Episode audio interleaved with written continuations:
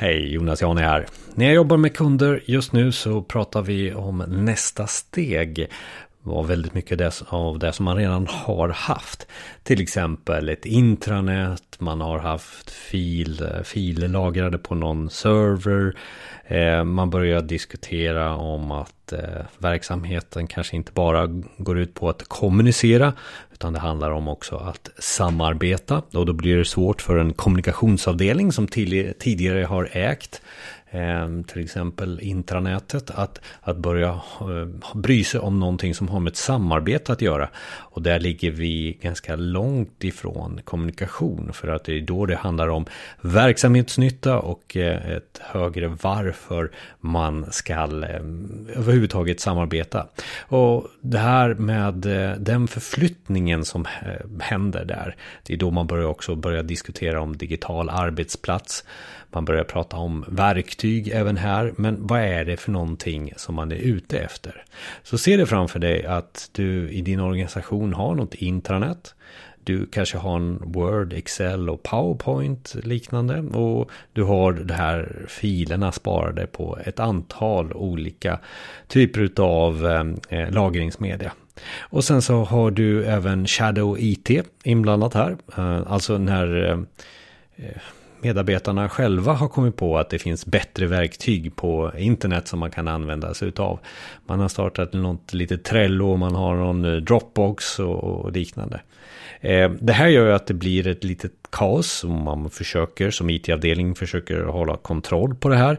Försöker att förbjuda, man försöker att eh, täppa in hålen, man försöker att sätta upp olika regler. Aldrig, det är väldigt svårt men det kan gå. Eh, det är ju här någonstans man börjar prata om den digitala arbetsplatsen. Och den digitala arbetsplatsen har jag lärt mig är inte någonting som man kan ta ifrån en lagbok och säga så här är det, den digitala arbetsplatsen är det här, det här är begreppet, så här funkar det. Utan det är någonting som varje organisation får bygga upp med erfarenhet utav en organisation som påminner om den som man har förstås. Eh, det är ju det som är eh, det kraftfulla i att försöka att titta lite på vad, vad de andra har gjort. Alltså Omvärldsanalys, den klassiska, den är väldigt bra att ha. Men min erfarenhet med att jobba fler, med flera organisationer som gör den här förflyttningen ifrån intranät till samarbete, för det är oftast där det handlar om. Intranät, man pratar om digitala möten, man pratar om digitala samarbeten och så kanske man också pratar lite, eh, och det kanske gör man gör lite längre fram, men det är digitala eh, projekt. Så att vi, vi, om vi nu ska prata om digitala möten och digitala samarbeten, ja, då börjar vi oftast att prata om eh, verktyg där igen då. Eh, Office 365 kan ligga närmast till hands eller så har man valt någon annan plattform från Facebook eller Google eller något liknande. Oavsett här så bör man tänka på ordet aggregering. Aggregering det är alltså att hämta saker ifrån alla de här systemen som jag nyss eh, målade upp. Alltså de som, eh, det finns lite, lite där och det finns lite där och det finns lite där. Att hämta upp de här slattarna utav information och aggregera upp det till en attraktiv design för slutanvändaren. Det är för mig digital arbetsplats. Det innebär att du minskar eh, irritationen för medarbetarna. Eh, du minskar också tiden det tar att konsumera alla de här digitala verktygen som vi har. Och det här kan man göra på olika sätt. Man kan fortsätta att använda sitt intranät för att hämta upp eh, information ifrån eh, filarier, eh, Office 365, eh, om du har Facebook som, som nyhetskanal eller liknande.